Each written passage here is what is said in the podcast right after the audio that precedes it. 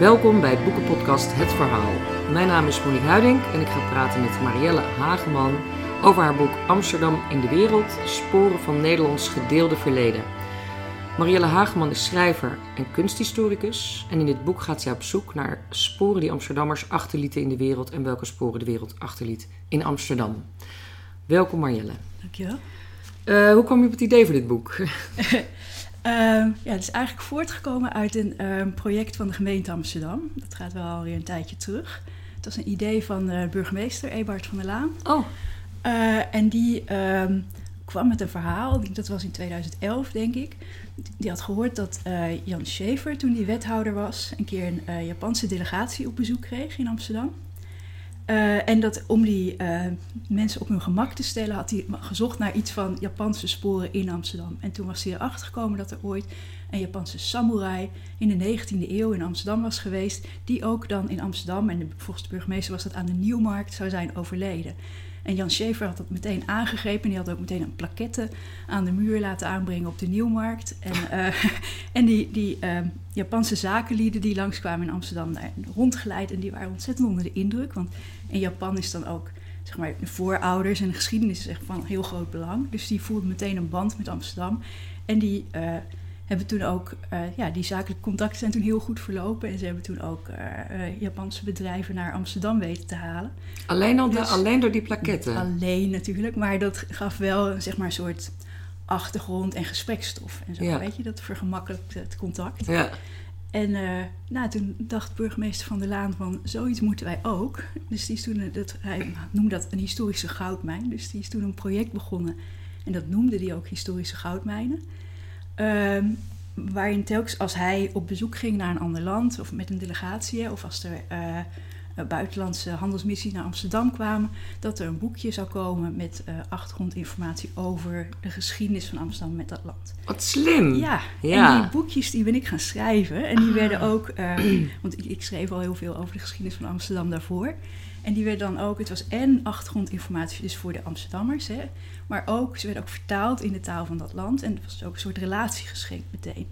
Maar dat was dus maar voor een heel klein publiek. Die werden steeds in een paar honderd exemplaren gedrukt. Voor een heel klein publiek beschikbaar. Ja. En het was wel een heel leuk onderwerp. Mhm. Dus op een gegeven moment ben ik wel door het parool gevraagd om daar uh, een reeks artikelen over te schrijven. Dat heb ik ook gedaan. Ja.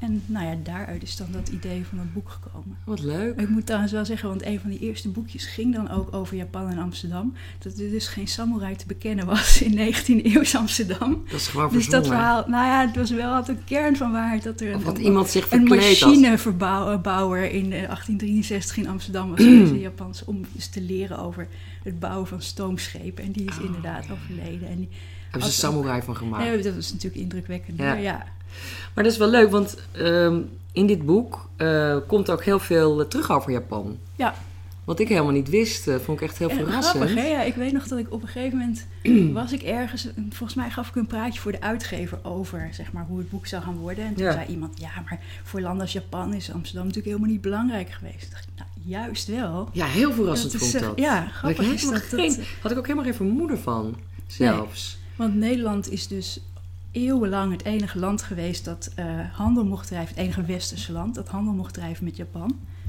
En eh, ja, de Nederlanders hadden ook, hadden Deshima, een klein eilandje voor de kust van eh, Nagasaki. En daar was dan hun handelspost.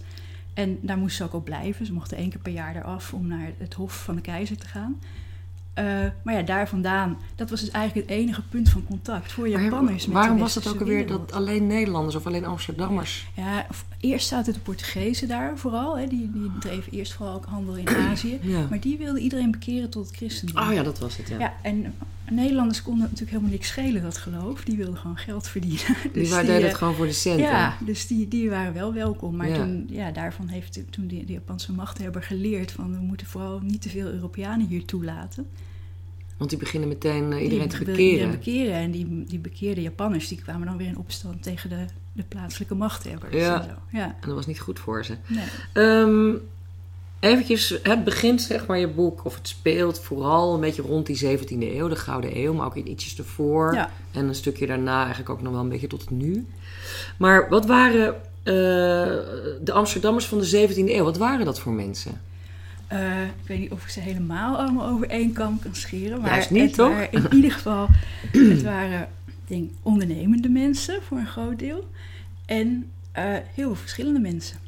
Ja, en, want het, dat, ook heel veel immigranten. Precies, en dat Ja. vind ik wel heel interessant. Want er is natuurlijk heel, nu staat immigratie heel erg in, in de belangstelling. En ook het idee van Nederlandse cultuur, alsof dat één statisch iets is. Maar als je kijkt naar de geschiedenis, is eigenlijk de hele cultuur voortdurend beïnvloed door mensen die van buitenaf eh, naar Nederland en in dit geval naar Amsterdam zijn gekomen. Dus eigenlijk, ik geloof dat er is nu eh, vrij recent is ook nieuw archeologisch materiaal met de aanleg van die Noord-Zuidlijn eh, naar boven gekomen. Waaruit blijkt dat Amsterdam eigenlijk van het begin af aan al een stad is geweest waar mensen kwamen om zeg maar handel te drijven als ondernemers, weet je, om naar buiten te kijken waar ook dus mensen van buiten naartoe kwamen en niet zoals heel veel andere steden ehm, zijn bijvoorbeeld ontstaan meer als eh boerennederzettingen eerst, hè, gewoon boerderijen en zijn langzaam gaan groeien. Terwijl Ja, Amsterdam want Amsterdam had eigenlijk niks, hè? Als Ja. in, eh, weet je wel, goederen om, die zelf gemaakt, ter Nee, plekke geproduceerd Het lag gewoon enorm strategisch. Ja. Aan, zeg maar waar Het ging puur om die haven. en de ei, en het ei samenkomen. Ja. Ja. Ja. En dus in feite eh, was die handel in feite tussenhandel, hè? Dus je, Eh, je haalt ja. daar de huiden en dan breng je Ja, ze het en, aan ja. het vervoeren. ja, het was een stapelmarkt, zoals Ja. het heet. Ja, producten van buiten en dan weer, weer en, verder dan, en vervoeren. dan voor meer geld eh, elders eh, en, en vervoeren ja, ten eerste. en eerst, voor meer eerst geld. vooral transport, inderdaad. En, en later zijn ze ook zelf gaan handelen. Ja. Het is wel grappig omdat nu die luchthaven dan weer zo groot is, Ja, weet je wel. dat is Dat- wel heel de gewone haven natuurlijk eh, inmiddels niet meer zo. Nu Rotterdam. Ja, dat vind ik altijd wel mooi. Maar er zijn natuurlijk heel veel parallellen ook tussen eh, die periode en gewoon nu ja te vinden. vind ik ook. Ja, Ja. ik vind, dat, vind het altijd een beetje gevaarlijk om helemaal... Weet je, de Maar ik kan ook niet één op één met nu natuurlijk. Precies, te vergelijken. Maar ik vind wel, als je ook kijkt naar eh, bijvoorbeeld ehm, dingen die immigranten gebouwd hebben in Amsterdam... of die in opdracht van immigranten gebouwd zijn... vind ik heel erg vergelijkbaar met wat je nu ziet. Bijvoorbeeld eh, de Ronde Lutherse Kerk is echt een, een, een blikvanger in Amsterdam. Het staat aan het begin van het singel, dus je ziet het ook meteen als je Amsterdam binnenkomt. En dat hoort helemaal bij de stad nu. En wie heeft het laten bouwen? gebouwd voor eh Lutheranen, die vooral uit Scandinavië en Duitsland zich in de 17e eeuw in Amsterdam gevestigd hadden. Eigenlijk vluchtelingen, denk ik, hè? Ja, nou, Voor- die waren eigenlijk meer handelslieden, moet ik Oh, zeggen. Die, die kwamen echt meer om handel te drijven. en je had dus een geloof dat afweek van het officiële Nederlandse geloof, want dat was het Calvinisme. En zij volgden dus de leer, leer van Luther. Ja. Ehm, dus ze mochten op een gegeven moment, ja, Amsterdamse stadsbestuur wilde eigenlijk natuurlijk alleen hun eigen kerk, maar ze wilden ook handel, de handel vergemakkelijken. Dus Mhm. ja, je gaat zo'n kerk ook niet verbieden. Dus toen hebben ze ze wel toestemming gegeven om hun eigen kerk te bouwen. Zonder toren trouwens. Dat mocht dan wel weer alleen voor de officiële gereformeerde kerk. Dus Oh. daarom is het ook een koepelkerk geworden. Maar het geld van die kerk kwam dus ten eerste van die, Lutherse gemeenschap zelf in Amsterdam, maar ook van, eh, van Lutheranen vanuit heel Europa. En ook de Zweedse koning heeft bijvoorbeeld toestemming gegeven om het koper voor de koepel eh, zonder belasting, zeg maar, naar Nederland te vervoeren. En ik vind gewoon, soms zie je bijvoorbeeld die Westermoskee, die nu recent in Amsterdam is gebouwd, in de Baarsjes. Eh, ja, dat is ook dan een Turkse moskee, helemaal gebouwd met geld van de Turkse gemeenschap en Turken van het buitenland. En dan denk ik, dat is echt een vergelijkbaar verhaal. Weet je? Ja. Je kunt het niet één op één vergelijken, maar daar zijn mensen heel erg gechoqueerd over. Maar het gebeurt al er eeuwen. zijn wel echt parallellen. En je merkt echt ook bij die moskee nu al, dus het was volgens mij anderhalf jaar open, dat die gewoon helemaal onderdeel van de buurt gaat uitmaken. En gewoon, weet je, op een gegeven moment, dan weten mensen niet beter meer Nee. dan dat hij er staat. Ben je er ook aan gewend? ja, en dan, hoort hij het daar. erbij, hoort Ja. gewoon bij Amsterdam. Ja. Ja, precies. Ehm, het is dus altijd eigenlijk eh, een migrantenstad geweest, eh, beschrijf je in, in het boek. En eh, dat bestond er voor een, voor een deel uit vluchtelingen, inderdaad, die op de vlucht waren voor, voor de Spaanse Inquisitie, denk ik. Ja, Geloofsvluchtelingen. Vooral, maar ook gewoon mensen die op zoek waren naar werk. Ja. Omdat in die haven eh, steeds meer en meer. eh, ja, het zwengelde elkaar een beetje aan. Hè? Dat, En die, die, die havenlui, die mensen met die boten, die hadden natuurlijk zeelieden nodig. ja, Dus die gingen waarschijnlijk dan allemaal ook eh, proberen aan boord te komen. Of, of, Het, nou ja, het was zeker ehm, toen eh, ze eenmaal naar Azië voeren, hè, vanaf het eind van de 16e eeuw, dat was geen prettige reis. En heel veel Amsterdammers wilden, en Nederlanders hadden daar gewoon helemaal geen trek in. Nee, maar die gingen ook heel vaak eh, dood onderweg. Ja, precies, heel vaak. Ja, Ja, en we werden ziek en eh, nou ja, kwamen in, sla- raakten slaags met inboorlingen en dat soort dingen. ja, Dus eh, ja, ook dat was typisch een baantje waar ze graag migranten voor aantrokken. En Ja. vooral eerst uit Scandinavië en Duitsland en later ook uit Azië zelf. En dat was ook voor de immigranten weer een goede baan, omdat zij niet, daarin niet minder waren dan Nederlanders bijvoorbeeld. Weet je, ze hebben evenveel kansen om carrière te maken als ze niet eerst dood gingen. mhm. Ja, Dus dat was ook een aantrekkelijk eh, uitgangspunt eigenlijk voor, eh, ja voor migranten. voor iedereen wel. Ja. Ja, maar ehm, het grappige is dat eh, als je, hè, als, ik, als ik je boek goed heb gelezen, je krijgt op een gegeven moment de VOC natuurlijk Mhm. en et cetera, maar als je ziet hoe, eh, hoe die, die, die opdrachtgevers of die, die, eigenlijk die handel, die, rijk, die steeds rijker wordende handelaren met hun personeel omgingen, dat was gewoon ook eh, vrij ernstig. Zwaar onderbetaald, Ja. heel slechte arbeidsomstandigheden. En toch werd Nederland gezien als een heel tolerant en, en Ja, fijn. Het is ook maar land. relatief natuurlijk. Hè? en dan dat er, staat er dan tegenover. Ja, maar Ja. het is dus, kijk, ten eerste, het is relatief. Dus als je het vergelijkt met een land als Portugal, dan kon er gewoon veel en er mocht veel in Ja. Nederland.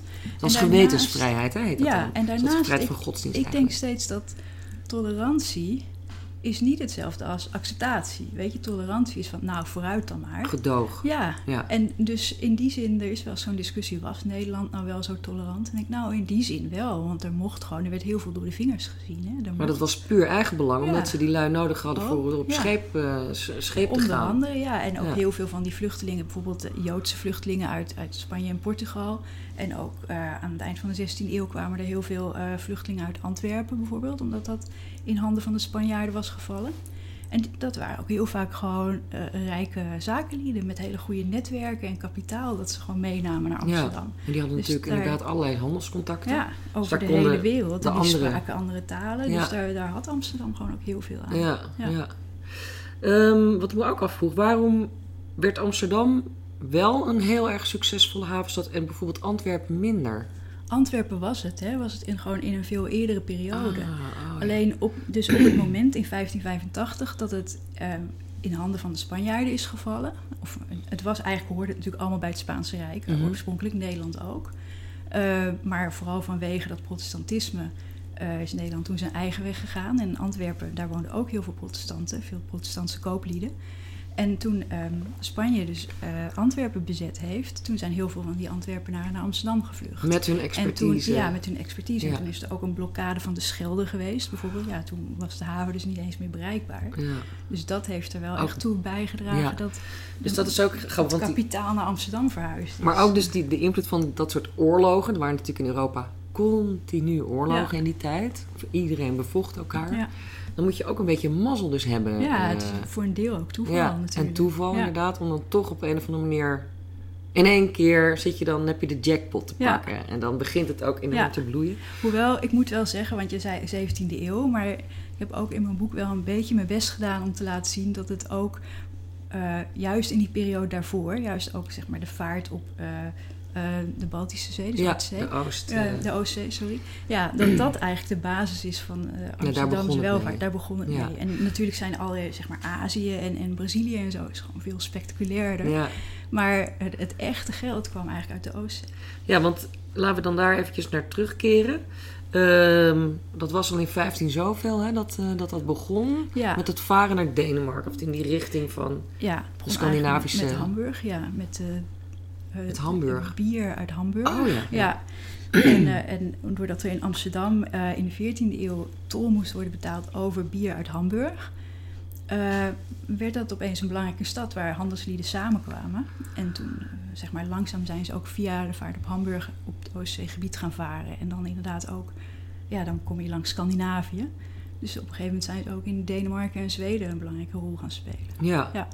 want daar heb je ook sporen teruggevonden in Denemarken. Ja, ja ik vind, dat vind ik dus een van de leukste verhalen uit het boek. Als je het over eh, moeder Sigrid. Ja, ja. Ja. Ehm, Dat is uh, inderdaad zo rond 1500. Was, uh, toen begon Amsterdam net echt wel een belangrijke stad te worden in de handel op de Oostzee. Mhm. En alle schepen trouwens die naar de Oostzee voeren, die moesten dus door de Sond. Dat is een smalle zeestraat tussen Denemarken en Zweden. Dus dat, daardoor was Denemarken heeft daar ook enorm aan verdiend Ja. natuurlijk. Ehm, en toen, ehm, een, van die handelslieden was een vrouw. En eh, zij heette Sigrid, of waarschijnlijk Siebrich op zijn Amsterdams. Maar ehm, en zij is op een gegeven moment eerst naar Noorwegen verhuisd. En ze had een dochter, die heette Duveke, dat betekent duifje. En eh, nou, dat is een bloedmooi meisje volgens alle bronnen. Mhm. En eh, zij heeft op een gegeven moment de kroonprins van Denemarken en Noorwegen, Christian, ontmoet. En die werd smoor verliefd op haar. En hij is later dus koning geworden, koning Christian II van Denemarken. En, maar hij eh, mocht natuurlijk niet met zo'n meisje trouwen. Mocht niet, nee, ze was zijn minnares. En op een gegeven moment, toen eh, was het dus tijd voor hem om officieel te trouwen. En met een Habsburgse, weet je, met een, een eh, kleindochter van de keizer. Ja, uiteraard. Ja, en eh, de keizer eiste meteen wel dat hij die minnares Duveke dan opzij zou schuiven. En dat weigerde hij. En op een gegeven moment is Duveke op hele mysterieuze wijze opeens overleden. Ja, goed. Dus ja, dus daar gingen allemaal geruchten over. zou vermoord zijn met de kersen. En, ja, Vergiftigd natuurlijk. ja, ja. vergiftigd. En ja, wie dat gedaan is, heeft, is nooit helemaal duidelijk geworden. Maar eh, het plan was gedeeltelijk in ieder geval mislukt. Want daarna is die Siegfried, dus haar moeder, is ontzettend invloedrijk geworden aan het, eh, het Deense Hof. En eh, ze werd adviseur van de koning en ze werd zelfs een soort minister van Financiën, zeg maar. Dus zij ging ook de tolregisters voor die vaart door de Zond beheren. Eh, en ja, er werd ook gefluisterd bijna dat, dat ze een soort heks was. Want zoveel invloed zou ze hebben over de koning. Hmm. Eh, Wel ontzettend grappig dat, het een, dat dat dan een vrouw is. Hè? Je Ja, verwacht in die nou ja, tijd, dat- eh, van nou, toen, toen hadden vrouwen helemaal geen rechten. nee, maar daarom is het Maar dan als ook je- meteen een heks. Ja, en dan Ja. ben je natuurlijk meteen een heks. Ja. Dat, dat is, daar is trouwens ook heel weinig nog veranderd. Ehm, in de perceptie van succesvolle Precies, vrouwen. Ja.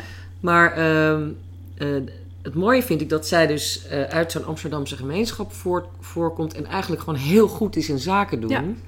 En ja, dan, dan kun je dus ook in die tijd kon je als vrouw toch, eh, nou, die heeft gewoon natuurlijk dan eh, de wereldtop bereikt. Ja. Want verder keken we toen nog niet dan eh, een klein stukje Europa. Nee, precies. Maar ja, het liep niet goed af Nee, natuurlijk met haar. dat zal want wel eh, weer niet. uiteindelijk zijn zij, werd iedereen natuurlijk jaloers daar, alle edelen Ja. en geestelijke. En zijn ze verdreven. En uiteindelijk is ze waarschijnlijk terechtgesteld. Eh, dat weten we Ja. niet helemaal. Nee. Nee. Maar ze heeft in ieder geval haar sporen achtergelaten. Precies. En wat gewoon heel leuk is, van, ja, want ik, ik ben natuurlijk dan wel geïnteresseerd in die, eh, wat ze dan gedeeld cultureel erfgoed noemen. Dus Mhm. de sporen van die, die gedeelde geschiedenis. En eh, dan zie je dat vooral in de 19e eeuw, dat zij Siegfried en Duveke in Denemarken en in Noorwegen een hele grote rol hebben gespeeld in de kunst en literatuur. Dus er zijn verschillende toneelstukken over hen en Een soort schilderijen. Ik weet niet, het is gewoon een heel romantisch verhaal Ah, natuurlijk. Ja, ja, Ja, ik denk dat dat het meer is. ja, ja. niet als feministisch Nee, boekbeeld. nee, nee, nee, dat idee heb ik niet. Nee. Ja, Het leuk. levert gewoon mooie plaatjes op. En het is tragisch Ja, natuurlijk het is ook. uiterst tragisch. Ja. die arme koning ook. Dat hij zijn grote liefde moet laten... Ja. Nou, die sterft notabene. Ja, Ja. vreselijk. Ehm, in, eh, in die periode daarna... Toch eventjes naar de, naar de Gouden Eeuw. Ehm, heb je eigenlijk een soort van verschil in, in eh, rechten tussen burgers. Ja. Want je hebt een fenomeen dat, he- dat heet de poorters. Ja. Kun je even uitleggen wat dat Ja, was of poorters is? waren zeg maar officiële Amsterdammers. Of dat had je Waarom werden ze poorters genoemd? Door de poort? Ja, ik denk omdat ze binnen de poort woonden. Maar Ja. ik moet eerlijk zeggen dat ik daar nog nooit over nagedacht heb. Oké. Dus dat moet ik een keer gaan uitzoeken. Eh, maar die hadden dus eh, ook meer rechten dan de gewone inwoners. Ja. poorterschap, dat was, je werd gewoon geboren als poorter, als je ouders poorters waren. Of eh, je kon trouwen met een poortersdochter en dan was je ook poorter. Of je kon het ook kopen. Maar ja, dan had je dus wel geld al nodig. Ja. Ja. En daarmee verwierf je eigenlijk de hoogste burgerrechten. Ja, en dan had je ook bijvoorbeeld, in ieder geval bijvoorbeeld in de middeleeuwen tolvrijheid. En dat soort, weet je, er zaten allemaal ook, eh, aan. Ja, voordelen aan. En was, speelde toen ook al dat je dan lid kon worden van het gilde? Of dat nog soort dingen, ja. En waarom En was dat eigenlijk belangrijk, dat gilde? Ja, je mocht dus bepaalde, of heel veel beroepen zelfs, mocht je alleen maar uitoefenen als je een gilde was een soort vakvereniging. Hè? Dus Ah, als je verbonden was aan zo'n gilde, aan een vakvereniging. En dat betekende dus ook dat allerlei immigranten, bijvoorbeeld de Joden, hadden, die werden dan wel getolereerd, maar die hadden veel minder rechten. Dus die Mm. mochten ook bijvoorbeeld niet lid worden van zo'n gilde. En dat betekent dat ze dus heel veel beroepen niet konden uitoefenen. Ja. Dus daarom zijn er ook specifieke beroepen waarin je heel veel joden vindt, eeuwenlang. Omdat dat gewoon de enige, eh, ja, de enige manier was waarop zij geld konden verdienen. Ja. Ja, dan niet zomaar schoenmaker worden of zo. Nee. Nee, Oh ja, het gaat echt om vakken. Dus, dus Ja. eh, houtbewerking, timmerman. precies. Dat, soort. soort, eh bakker. kleermakers, bakkers, ja. Oh ja. Ja. Ehm, maar Amsterdam werd uiteindelijk als echt heel erg rijk met gewoon die, de handel en het uitvaren op, eh, op alle mogelijke continenten. Ja, Hoe verklaar jij die enorme eh, reislust en ondernemen of, of avonturen zoeken van, van die Amsterdammers? Hm. Ik weet niet of ik Daar een echt... verklaring voor. ik kende ze niet persoonlijk. Nee, Dus natuurlijk.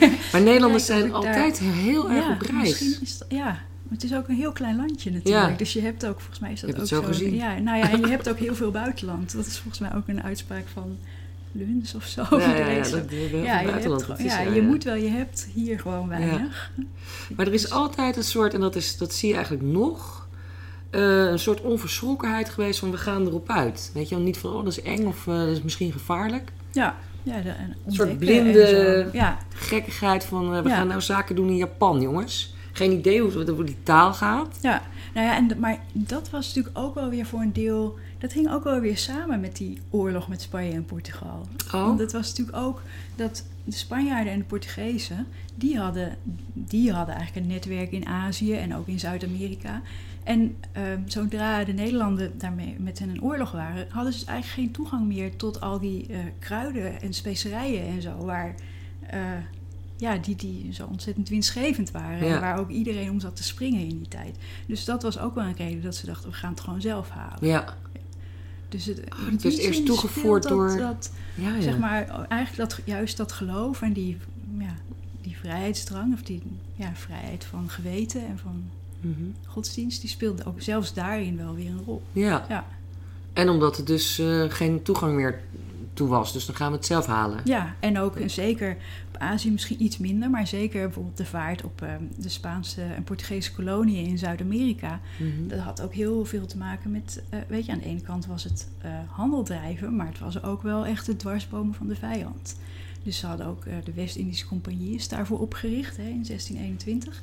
En een deel van de taak was ook gewoon kapen. Het kapen van Spaanse en Portugese schepen. Ja, Ja, want dat is ook een leuk aspect van, eh, van het Nederlanderschap of van de Amsterdammers. ja. Eh, als het met onderhandelen niet lukte, dan Ja. het gewoon met geweld. ja, Even die hele bevolking daar eh, ja doden. vreselijk. Ja. Heel Ik bloederig. heb echt mijn best gedaan in het boek, want er is vaak, weet je, er wordt vaak zo'n soort tweedeling gemaakt tussen glorietijd van Nederland hè, en zwarte bladzijdes. Mhm. En ik heb echt mijn best gedaan om alles wel gewoon naast en door elkaar te laten zien. Ja. Dat je gewoon kunt zien dat dit gebeurde tegelijkertijd en dit is gewoon met elkaar vervlochten. Ja, want eh, er, er is heel wat afgemoord en uitgemoord. En, eh, en, voor, en er werden dan ook hele dorpen. En, ja, het meest nederzettingen voorbeeld zijn die, die Banda-eilanden Ja, de in de Molukken. Ja, Ja. waar ze dan de, hun nootmuskaat vandaan wilden halen. ja. En uiteindelijk gewoon de hele bevolking hebben uitgemoord. En, en dus gewoon ook een nieuwe... Ja, er was dan wel even een puntje van zorg. Van wow, hoe moeten we dan aan die nootmuskaat komen Ja. als er niemand meer woont? Nou, dan hebben ze gewoon nieuwe mensen daar neergezet. ja, en waren Ja. het al slaven? Eh, nou, de, zeg maar de mensen die de plantages gingen runnen niet. waren ook vaak eh, Europeanen. Perkeniers werden die genoemd. En die werden ook ontzettend rijk. Maar die hadden wel... Ja, het werk werd verricht door min of meer slaven. Ja. ja. Want de West-Indische Compagnie is natuurlijk ook gewoon eh, voornamelijk voor de slavenhandel. eh, of is ze gaan richten op de slavenhandel? Ja, eh. uiteindelijk, maar oorspronkelijk niet. Nee, het was wel voor ze- suiker en zo, hè? Ja, oorspronkelijk waren ze daar dus juist heel erg op tegen. Ook weer omdat slavenhandel typisch iets was wat Spanjaarden deden en niet Ah. iets wat Nederlanders deden. Aha. Maar toen ze dus eenmaal eerst in eerste instantie Brazilië hadden veroverd, of een deel van Brazilië, Ja, ja, toen kwamen ze dachten van hoe moeten we nu die plantages runnen? Want daar hadden die Portugezen slaven voor. ja. En toen zijn ze gewoon ook meteen... Ik dacht, ja, dan doen wij het ook. meteen omgekeerd. eh, Ja, toen zijn ze gewoon meteen naar eh, Afrika, West-Afrika gevaren om slaven te halen. Ja. Ja. En, en ik, ik las eh, dat het uiteindelijk iets van, om iets van eh 225.000 Afrikaners ging.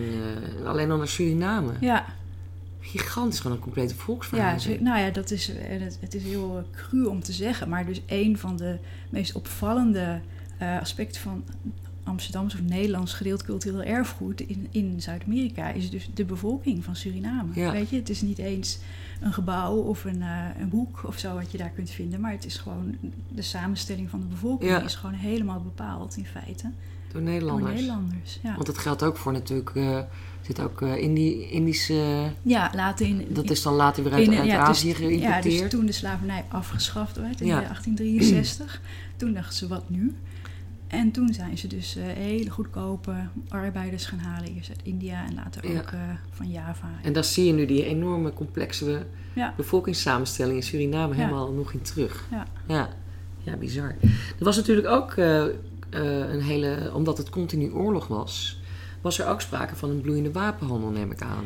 Ja, en, eh, Dat speelde natuurlijk ook een rol. ontzettend rijk mee geworden. Ja, want dat, je, je beschrijft, eh, de, de boeken zijn eigenlijk eh, deels anekdotisch opgezet, Ja, waarbij je ook gewoon echt aan de hand van mensen, Amsterdammers, een, het verhaal vertelt, ja, eigenlijk van die gedeelde geschiedenis. Ja. En, en het is heel mooi rijk geïllustreerd, moet ik even bijzeggen voor de, voor de luisteraar.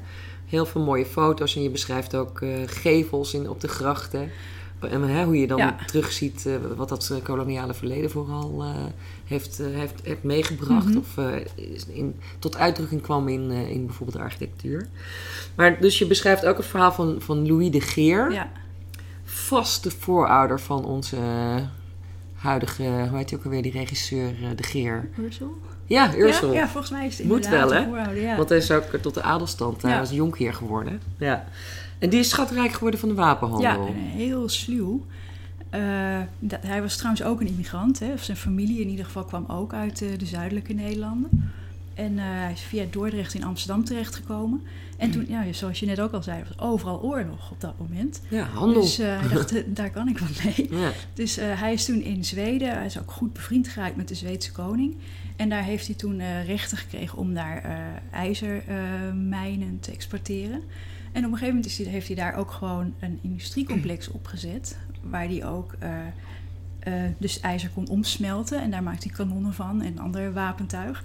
En dat vervoerde hij dan naar Amsterdam. En vanuit Amsterdam verkocht hij het ook rustig weer dus aan de Zweedse koning. Voor echt heel veel meer dan hij er natuurlijk zelf voor eh, in had gestopt. ja. Daar is hij stinkend rijk mee geworden. Nou, hij wordt ook gezien als de eerste industrieel zo'n beetje van Zweden. Ja. Ja.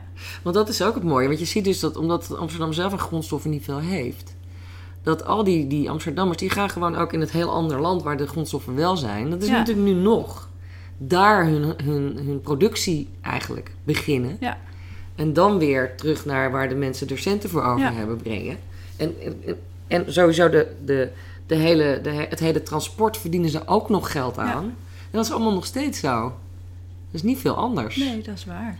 En nu, zijn, nu is iedereen boos als ze dan bijvoorbeeld eh, naar goedkope landen gaat voor, hè, voor goedkope arbeidskrachten. Maar dat is, dat is altijd al zo geweest. Ja, ja en ook ja, die Zweden lieten dat dus ook gewoon toe. Ja, Weet je, was, die trapte was, daarin. Ja, en er was ook geen Zweed blijkbaar op dat moment die zei... hé, hey, wacht eens even, ik... eh, Ja, dat ik- gaan we zelf wel ja, even kon doen. niet even zelf een industrie opzetten. Ja, En Waarom, ja, of zouden ze dan heel goed hebben gedaan of zo? Of, ja hij, nou, hij was natuurlijk gewoon een ontzettend goede zakenman. Dat waarschijnlijk gewoon de enige met dat specialisme of zoiets. Ja, of de, de eerste met dat De idee. eerste, en ja, als je ja. eenmaal alles in handen hebt, dan komt er ook niemand anders meer tussen. Nee, dat klopt, ja.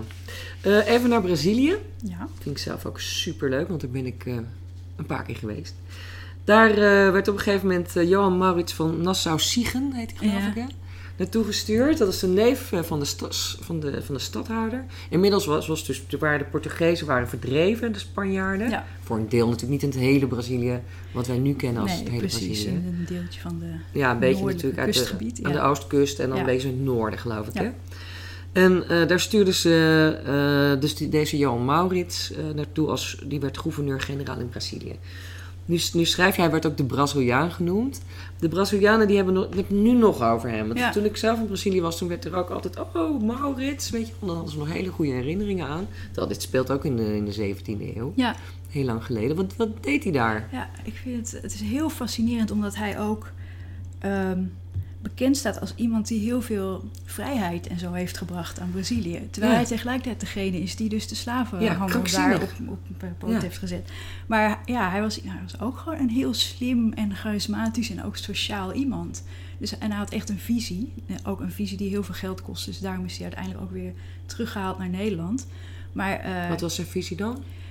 Ja, hij zag gewoon een mooie stad voor zich en een mooi land en een, en een goed eh, geoliede economie en zo. Ja. En ook eh, dat iedereen samen zou werken. Dus de Nederlanders die kwamen, eh, kolonisten zeg maar, maar ook de Portugezen die er nog zaten. Want er waren natuurlijk ook heel veel Portugezen die niet zozeer tot de machthebbers behoorden, maar die daar gewoon hun suikermolen en hun plantage Ja. hadden. En die niet direct vertrokken toen de Nederlanders kwamen. Maar ook bijvoorbeeld de Indianen, dus de, de oorspronkelijke bewoners. Ja. En hij stelde ook een raad samen waarin die dan allemaal samen eh, beslissingen namen. Of dat in ieder geval vrij uh, beslissingen zal wel niet, maar inspraak hadden, laat Ja. ik het zo zeggen. Ja, medezeggenschap. ja. En, en Dat is heel Nederland. Ja, en dat was heel, heel bijzonder. En hij heeft ook gewoon daar een, eh, ja, een prachtige stad eh, uit de grond weten te stampen. Welke stad is dat?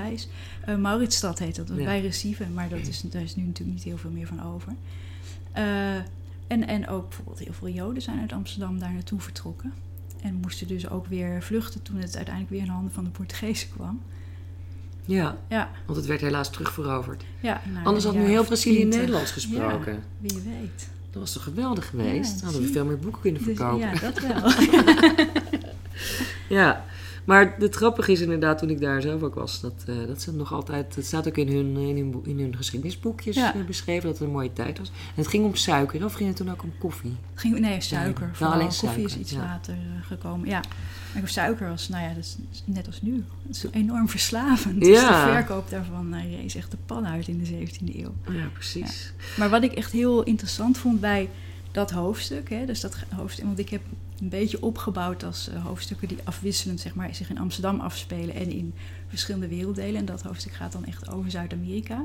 En toen ik het geschreven had, dacht ik, er zit helemaal geen lijn in. Want aan de ene kant gaat het dan over, oh, de Nederlanders brachten vrijheid en zo, weet je, en mogelijkheden naar Zuid-Amerika. En aan de andere kant gaat het over slavernij. Ja, En toen opeens dacht ik, ja, maar dat moet, moet natuurlijk ook kunnen, zo'n, weet je, zo'n tegensteen of iets waarin het wringt in zo'n Ja. boek. Dat is misschien juist interessant. Dus ik vind dat nu dus nou, het is ook, heel grappig en stemt ook tot nadenken, zeg maar. Dat, ja, ja. die export, we zijn heel trots dat tolerantie en vrijheid onze exportproducten zijn. En daarnaast, maar dat gold alleen voor de eigen mensen.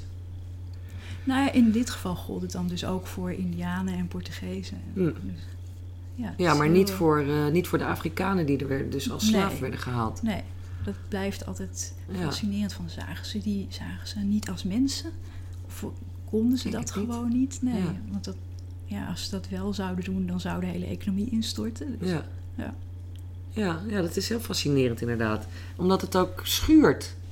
ja Het is gewoon raar dat Ja. dat zo naast elkaar. Dat je denkt, hoe kan je dan nou, hoe kan je dat nou dan ja combineren? en dat dit is een, wijkt een beetje af nu van zeg maar dit boek maar een project waar ik nu aan aan het werken ben is bijvoorbeeld ook een figuur die eh, strijdt in Amsterdam voor eh, rechten van het volk en voor democratie maar hij is ook eh, bestuurslid van de West-Indische Compagnie. Dus in zijn naam wordt ook gewoon Ja. in slaven gehandeld. Ja. Het is, dat Typisch, is hè? heel raar. Maar dat ja. vonden ze natuurlijk gewoon normaal toen. Ja, of Ja. ik denk soms van, ja, we hebben nu natuurlijk ook heel veel dingen die waar je liever niet aan wil denken. Ja. Omdat je, weet je, het milieu of de veeteelt, als je daar echt over zou gaan nadenken, te moet je allerlei dingen inleveren in Ja. je leven. En dat, dat wil je niet. Nee, dan verzet je je tegen. Ja, Of ja, dan, dan krijg je dus iets dat heet geloof ik cognitieve dissonantie. Dan doe je net alsof het er niet is. Ja, precies. Daar kijken je we wil even er niet gewoon naar. niet over nadenken. En Ja. misschien was dat met die slavernij ook. Ik kan me niet voorstellen dat iedereen dacht van het is wel oké. Nee. Maar ik denk iedereen wilde suiker, dus niemand... En er was geen alternatief, want ze konden die mensen ook niet betalen. Nee, Dan zouden dan zou de niemand, omzet en eh, niemand wilde daar werken. Dat is echt vreselijke omstandigheden. Ja, en dat iedereen nog. ging natuurlijk ook dood van de hitte en zo Ja. daar. Dus. Ja. Ehm, er waren wel degelijk Nederlanders die zich eh, druk maakten over eh, de mentaliteit van, van hun landgenoten. Ehm, vooral dan in Nederlands-Indië. Ja, Dan wou ik eventjes naar Jacob Havener dat is wat overschakelen. later dan. Hè? Dat is dan wel later, weer, inderdaad. In de 18e eeuw. Ja, 18e eeuw hè? Ja, dus dat, 18, ja, dat die ging schrijven was begin 19e eeuw. Ja. Maar dat die zelf, dus dan nee, zitten we 1880 of zo. 17. 1780. Ja. die tijd. Dat vond ik heel leuk om te lezen, want die, eh, die gaat dus naar Nederlands-Indië en die is eigenlijk heel erg getroffen door de elegantie van, eh, van, Ja. de, van, de, van het volk. Van de mensen Ja. die daar, die En, daar leven en wonen. En die vindt eigenlijk Nederlanders maar ontzettende lompe boeren. Wil ik je vragen om een stukje voor te lezen. Ehm, doe maar even allebei. Oh. Jacob Havener raakte verknocht aan India en nam de gebruiken van het land over. Hij leerde Tamil, Hindi en Bengali en zelfs het Sanskriet. Hij at met zijn handen in plaats van met bestek en werd grotendeels vegetariër. En hij raakte verliefd op de Indiase danseres Marmia. Soms zagen Indiërs Havener, die intussen bruin verbrand was door de Indiase zon, aan voor een halfbloed. Dat beviel hem wel, want hij vond dat de Indiase beschaving eigenlijk ver boven de Nederlandse stond.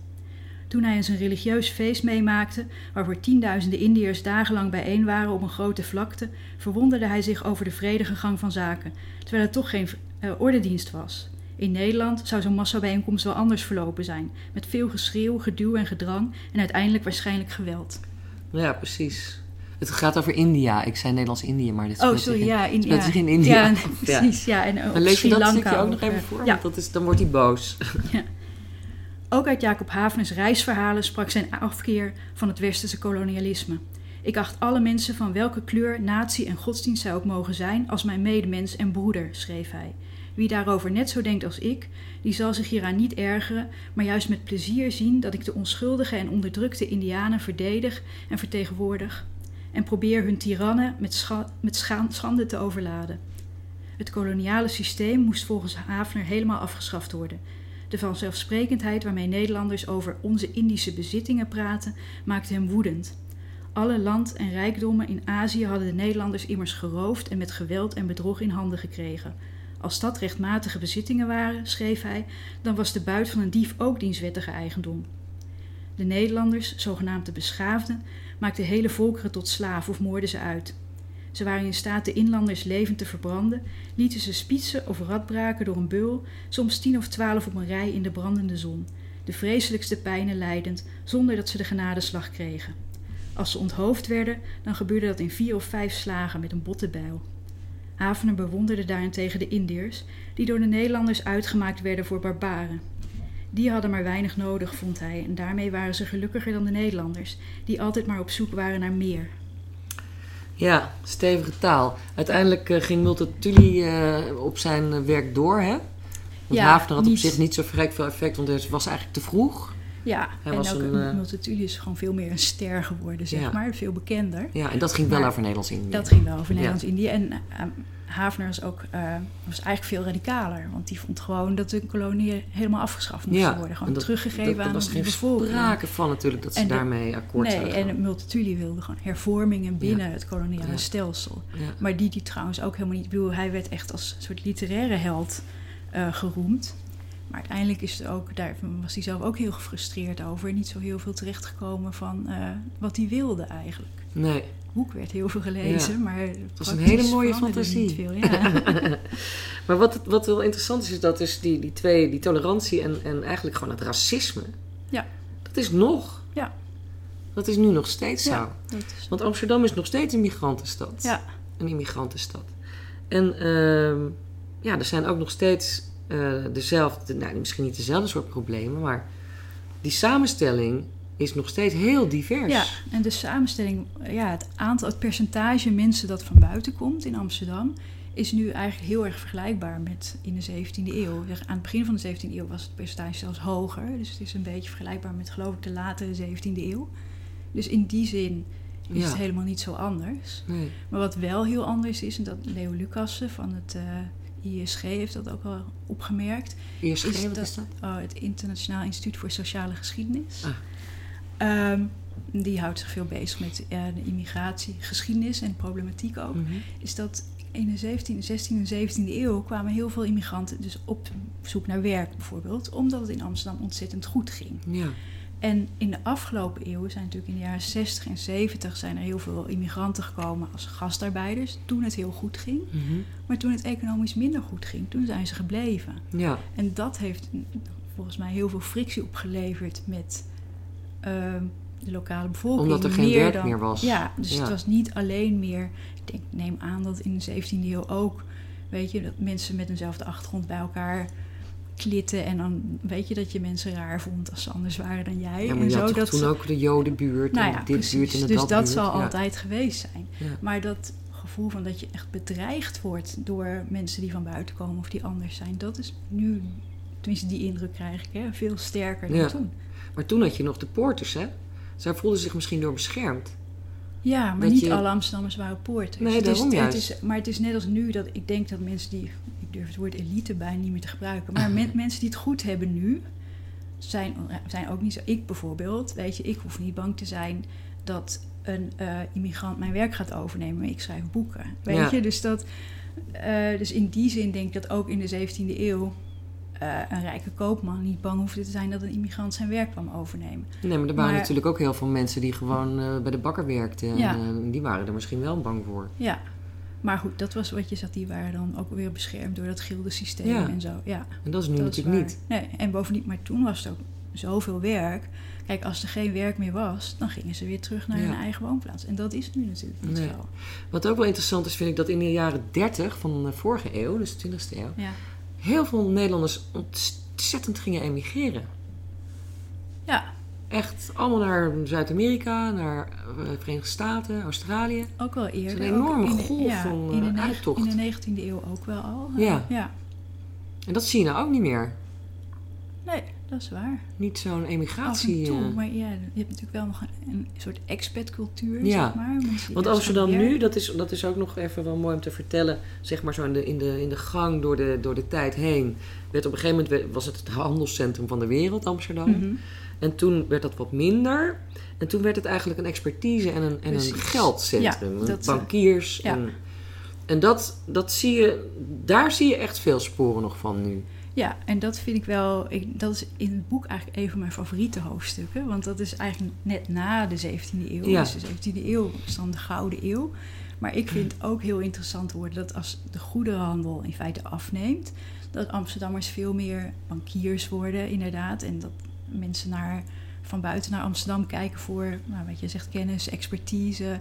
En ook bijvoorbeeld, eh, nou we hadden het net al over Japan, dat bijvoorbeeld ook eh, eh, alle westerse kennis in Japan, wetenschap in feite, via Nederlanders daar terecht is gekomen. Ja, Ja, maar ook nou ja, de, de uitbating van Suriname, of uitbuiting moet je misschien zeggen. ja. Eh, ja, ook met allerlei slimme financiële constructies. eh. Maar ook weer heel veel investeren in de nog jonge Verenigde Staten. Ja. In de spoorwegen bijvoorbeeld. ja, Heel veel geld gestoken in, eh, daarin. Dat notabene zelfs, hè, bij wijze van spreken, de bakker... die ging ook nog een paar centjes ja dat is echt het investeren. leuke eraan. Dat eigenlijk alle Amsterdammers konden bijdragen Ja. aan, aan Amerika. En eh, als je daar naar nu kijkt, hè, dan, dan heb je nog steeds... eh, ja, het is nog de, de, die- toch op Zuid, dat is toch gewoon één grote handels... eh één grote bedrijventoestand. Ja, En dan heel, ook heel veel financiële instellingen. ja, en zeker Nog nu met altijd. de brexit proberen ze dat nu weer verder aan te ja, zwengelen. want Londen heeft op een gegeven moment dat een beetje afgesnoept hè, van ja, Amsterdam. sowieso ook wat de goederenhandel betreft. Ja. is Engeland op een gegeven moment veel belangrijker geworden. En nu eh, ziet Amsterdam natuurlijk zijn kans Ja, gewoon. precies. Die denkt, wacht even, we kunnen, we kunnen ons de 19e eeuw nog donders goed herinneren. En ze moeten allemaal weer terugkomen. Ja, maar ja, nu vinden we het allemaal te vol. Ja, Dus we weten we niet of we dat nog wel willen we eigenlijk. zijn wel met veel meer mensen op aarde nu. Ja. Dat is natuurlijk ook lastig. ook met veel meer mensen in Amsterdam. Ja. ja. Heel druk. En Amsterdam heeft ook nu te maken met ontzettend veel toerisme. Ja. Dat is ook... eh, trouwens, jouw boek zou heel erg leuk zijn voor toeristen. Je moet het in het Engels laten vertalen. Ja, dat zeggen mensen, maar dat, ja. Of, of in het Chinees of in het Japans. Ja, ja. Zeg het tegen de uitgever. Ja. ik hoop ook dat hoe meer mensen dat zeggen, hoe groter de Ja, kans ja, wordt dat het ook echt gaat gebeuren. Ja. Ja, nee, het, is, het is echt een heel interessant, eh, het is een heel interessant verhaal. Omdat je inderdaad, ja, je, je ziet hoe, hoe al die Amsterdammers, dat zijn gewoon natuurlijk op een gegeven moment gewoon Nederlanders.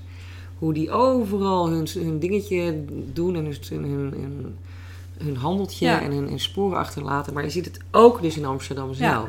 Ja, want En- het zijn, wat je nu zegt, dat vind ik wel leuk. Het zijn gewoon Nederlanders natuurlijk. Ja. Want het klinkt, soms zijn het natuurlijk hele Amsterdamse onderwerpen. Mhm. Maar gedeeltelijk heb ik natuurlijk ook eh, op Amsterdam gefocust. Om, je moet je onderwerp toch op de een of andere manier afbakenen. Dus de wereld is best een groot onderwerp. Dus dat is ook een reden. Maar ik denk wel dat het voor een deel ook gewoon staat voor de rest van Nederland. Voor de ontwikkelingen van Nederland op zich. Tuurlijk, dat is ook zo. Oké, dankjewel voor dit gesprek. Uh, ik sprak met Marielle Haagman over haar boek Amsterdam in de Wereld: Sporen van Nederlands gedeelde verleden. Deze boekenpodcast wordt gemaakt zonder sponsorgeld of subsidie, maar u kunt dit project steunen met een donatie. Op de overzichtspagina uh, met alle afleveringen van deze podcast op SoundCloud staat in de rechterkolom een linkje met de tekst Steun deze podcast, die naar een donatiepagina leidt. Alle beetjes helpen en alvast hartelijk dank voor uw bijdrage.